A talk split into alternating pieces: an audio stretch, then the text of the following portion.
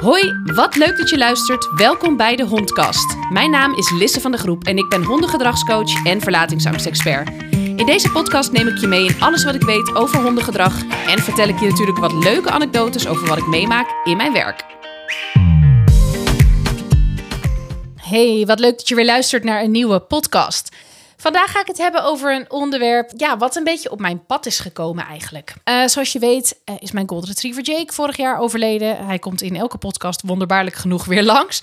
En in augustus datzelfde jaar is onze kitten Borre bij ons komen wonen. En de komst van een kat in ons huis heeft heel wat ja, in gang gezet, moet ik je vertellen. Ik ben absoluut geen kattenmens. Ik heb ook nooit katten gehad. Ik heb weinig ervaring met katten. En ik ben altijd een beetje op mijn hoede geweest bij katten. Ik ben als kind een aantal keer gebeten door een kat. Dus ja, ik was altijd een beetje wantrouwend bij katten. Onze kinderen wilden wel heel graag een kat. Vrienden van ons hadden een nestje kittens uit het asiel een tijdje in huis als gastgezin. En vooral onze oudste, die was echt totaal verliefd op die kittens. En iedere keer als we bij die vrienden waren, dan dook hij meteen naar zolder om bij die kittens te kijken. Hij vond het helemaal fantastisch. En ja, wij hadden ook al wel nagedacht na het overlijden van Jake van hey, moet er misschien een nieuw diertje bij komen? Ook omdat het voor onze hond Lewis wel heel prettig zou zijn, maar ook voor onszelf weer ja, wat fris nieuw leven in de brouwerij. En ja, we hadden eigenlijk niet zoveel tijd en energie en ook nog geen ruimte emotioneel gezien voor een hond.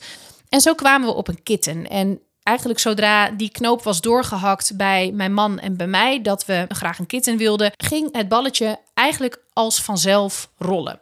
Er kwam toen uh, op mijn Facebook-tijdlijn via iemand die je ken uh, de vraag van... hey, uh, mijn neef heeft een nestje kittens over... en wie is er toevallig nog op zoek naar een leuke kitten? Alsof het zo moest zijn. En misschien moest het ook echt wel zo zijn. Zijn we bij dat nestje gaan kijken en um, hebben we Borre, onze kitten, uitgekozen. En het proces dat Borre kwam, dat was best, hoe moet ik het zeggen? Het, het was een, een gek proces. Want we hadden natuurlijk in januari Jake verloren. Ja, een half jaar later kwam Borre erbij. En je trapt dan toch snel in de valkuil dat er een gat is ontstaan door het overlijden van het ene dier. En dat dat volgende dier dan toch een beetje dat gat moet gaan opvullen. En het is altijd iets waar ik heel erg voor heb willen waken. Want het is niet Borre zijn rol om het gat dat Jake heeft achtergelaten op te vullen. Hij kan dat ook niet opvullen, want hij zal nooit Jake worden. Dus hij kan nooit de leegte die Jake heeft achtergelaten opvullen, simpelweg omdat hij Jake niet is. Het kan dus niet. Het is niet mogelijk voor Borre om dat gat op te vullen, maar het zou ook geen eerlijke verwachting zijn, want ja, Borre komt nieuw in ons gezin, heeft zijn eigen verhaal, zijn eigen dingen waar hij mee gaat worstelen, waar hij tegenaan gaat lopen, zijn eigen karakter. Hij is geen hond, dat ten eerste al, maar hij is zoveel meer dan ja, alleen een nieuw dier in ons leven. Hij mag zijn eigen plekje veroveren in ons gezin en hij moet niet op een plek komen waar hij niet hoort te staan. En dat is vandaag waar ik het over wil hebben met je. En misschien een wat vaag onderwerp, maar wel een heel belangrijke. De vraag is namelijk Staat jouw dier op de juiste plek in je gezin, in je familiesituatie. Het uh, raakt bijna een beetje het stukje familieopstellingen, wat ik overigens ook heel interessant vind. Het gaat er heel erg over welke plek heeft jouw hond of je kat of een ander dier in je gezin en klopt die plek wel? Het heeft namelijk heel veel invloed als die plek niet klopt als het dier op een plek staat die niet van hem is. En ik ga je uitleggen wat ik daarmee bedoel. Stel je voor dat wij Borre echt hadden gezien als vervanging van Jake. En stel je voor dat wij Borre onbewust de rol hadden gegeven dat hij toch een beetje de leegte die Jake heeft achtergelaten moest opvullen. Dat is nogal wat voor een kitten van 12 weken om te dragen. Dat betekent dus dat je als kitten de last moet dragen van het troosten van vijf mensen die verdrietig zijn omdat ze hun hond zijn verloren. En jij moet dat allemaal gaan oplossen. Want dat is in feite wat je doet als je een dier op de verkeerde plek zet. Als een dier de plek krijgt die hij eigenlijk niet moet hebben. Als wij Borre op de plek van Jake zouden zetten, zou Borre een ondraaglijke last met zich meedragen. Hij zou namelijk moeten voldoen aan een standaard waar hij never ever nooit aan zou kunnen voldoen. En dat heeft invloed op hoe wij naar Borre kijken, want dan krijg je toch een zweem van teleurstelling, omdat hij dat gat niet kan opvullen. De verwachtingen zijn eindeloos hoog. Um, hij moet dan toch een beetje dezelfde band met jou krijgen als Jake had. Want ja, hij moet toch dat gat opvullen. En op die manier creëer je als mensen een druk op je dier. Die dat dier niet hoort te dragen. En in feite ook niet kan dragen. Want Borre kan het gat niet opvullen dat Jake achterliet. Want hij is Jake niet. Hiermee wil ik niet zeggen dat een nieuw dier geen troost kan bieden voor oud verdriet, want dat kan zeker. Je ziet niet voor niks heel veel mensen um, bij wie een huisdier is overleden of zelfs een kind is overleden en waarbij er daarna een dier in huis komt. Omdat een diertje ook heel veel vreugde brengt, heel veel plezier brengt, heel veel liefde geeft en het dus heerlijk is als, ja, ook als troost voor ons als mensen dat er zo'n onbevangen dier in je leven komt dat altijd zin heeft om tijd met jou door te brengen en dat altijd vol zit vol liefde, onbeperkte liefde. Dat is heel troostend. Ik geloof echter wel dat het heel belangrijk is dat het dier weet en dat je dat ook communiceert naar het dier, wat de plek is van het dier. Dat het dier niet de rol heeft om het verdriet van de mensen te dragen. Want vergis je niet, het klinkt misschien zweverig, maar dit gebeurt. Ik heb van collega's en ook zelf uh, in mijn omgeving gezien en meegemaakt dat dieren een rol overnemen van bijvoorbeeld een overleden kind of een overleden huisdier, waar het dier echt last van heeft. Ik doe zelf, zoals je weet, ook elk jaar een reading met mijn huisdieren. Ik heb het toevallig vorige maand nog gedaan met Louis en met Borre. En ik vind dat een hele mooie manier om dit soort dingen recht te zetten. Om de dier weer even helemaal in zijn eigen positie te zetten. En om als het ware aan het dier te communiceren: dit is jouw plek in het gezin en jij hoeft de dingen van de mensen niet te dragen.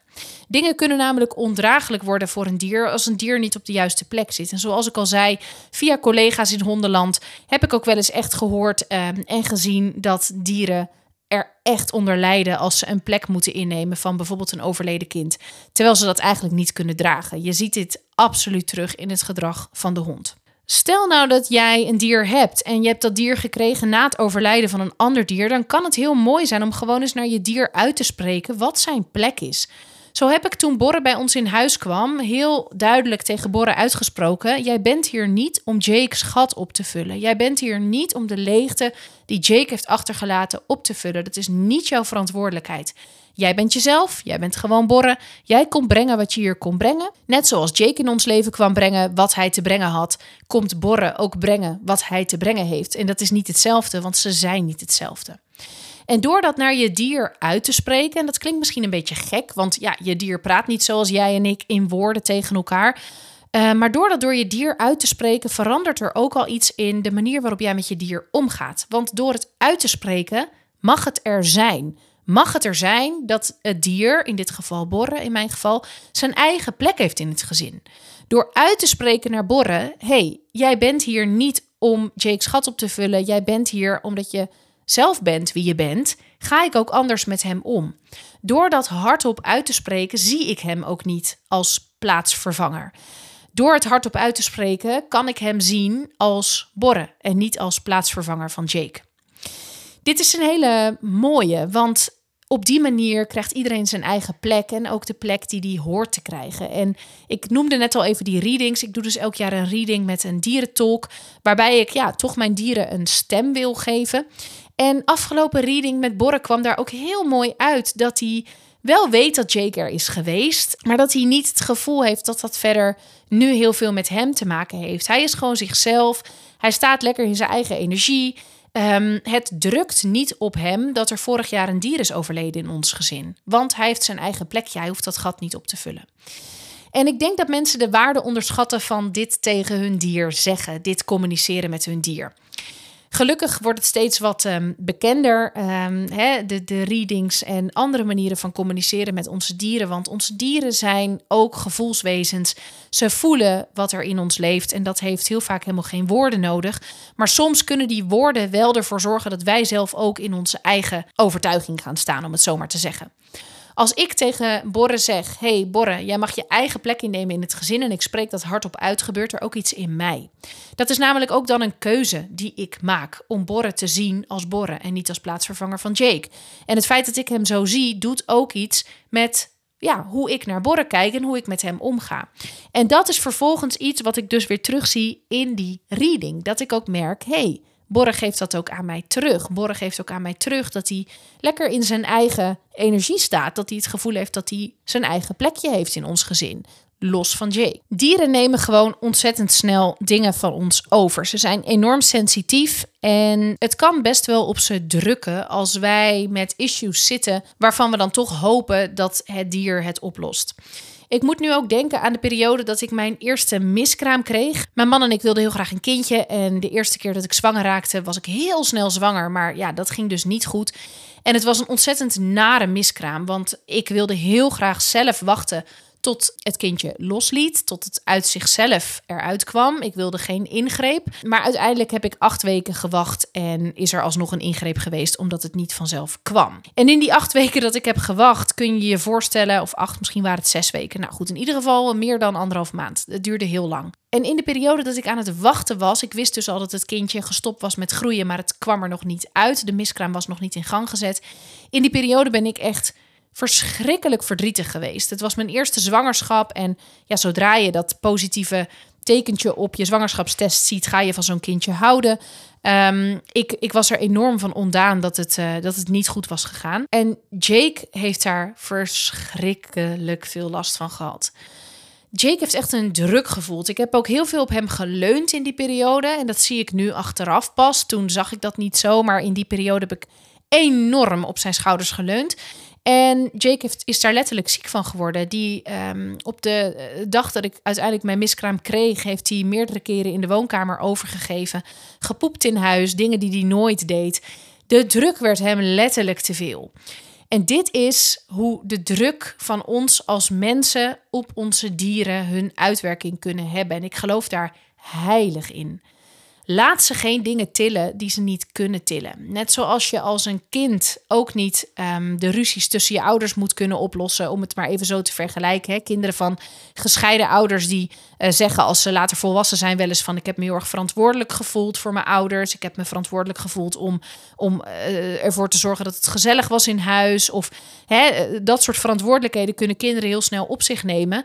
Maar een kind kan dat als enorme druk ervaren. Want het probleem dat ouders bijvoorbeeld ruzie hebben, is niet van het kind. Dat is van de ouders. En de ouders moeten daar de verantwoordelijkheid voor pakken en niet het kind. Want het is niet van het kind. Maar het kind gaat het wel dragen. En dit kan dus ook bij je dier gebeuren. Je dier kan dingen gaan dragen die niet van hem zijn. En het heeft invloed op het welzijn van je dier. En soms gebeurt dat. Wij zijn ook maar mensen. Um, wij voelen van alles. Onze honden voelen van alles. Soms gaat het in de interactie ook zo dat jij iets van je dier draagt of dat je dier iets van jou draagt. En ja, dat dat weer even op zijn plek gezet moet worden. Maar door uit te spreken naar je hond wat zijn plek is en wat van hem is om te dragen en wat vooral niet van hem is om te dragen, door dat al uit te spreken, gebeurt er al iets. Want door het uit te spreken ga jij anders met je dier om. Wordt jouw intentie anders? Ga je op een andere manier de dingen neerleggen bij degene van wie de verantwoordelijkheid is. Dingen uitspreken naar je hond, naar je kat, naar je andere huisdieren is ongelooflijk krachtig. Daar geloof ik heilig in. Nou, dat wilde ik vandaag even met je delen. Ik um, ga er een einde aan breien. Ik hoop dat je het een interessante podcast vond. Als je er vragen over hebt, laat het me dan vooral weten. Je mag altijd vragen stellen via de DM op mijn Instagram. En je kan ook reageren via Spotify. Ik ben er volgende week weer met een nieuwe podcast. En ik hoop dat jij er dan ook weer bent. Tot dan. Doeg!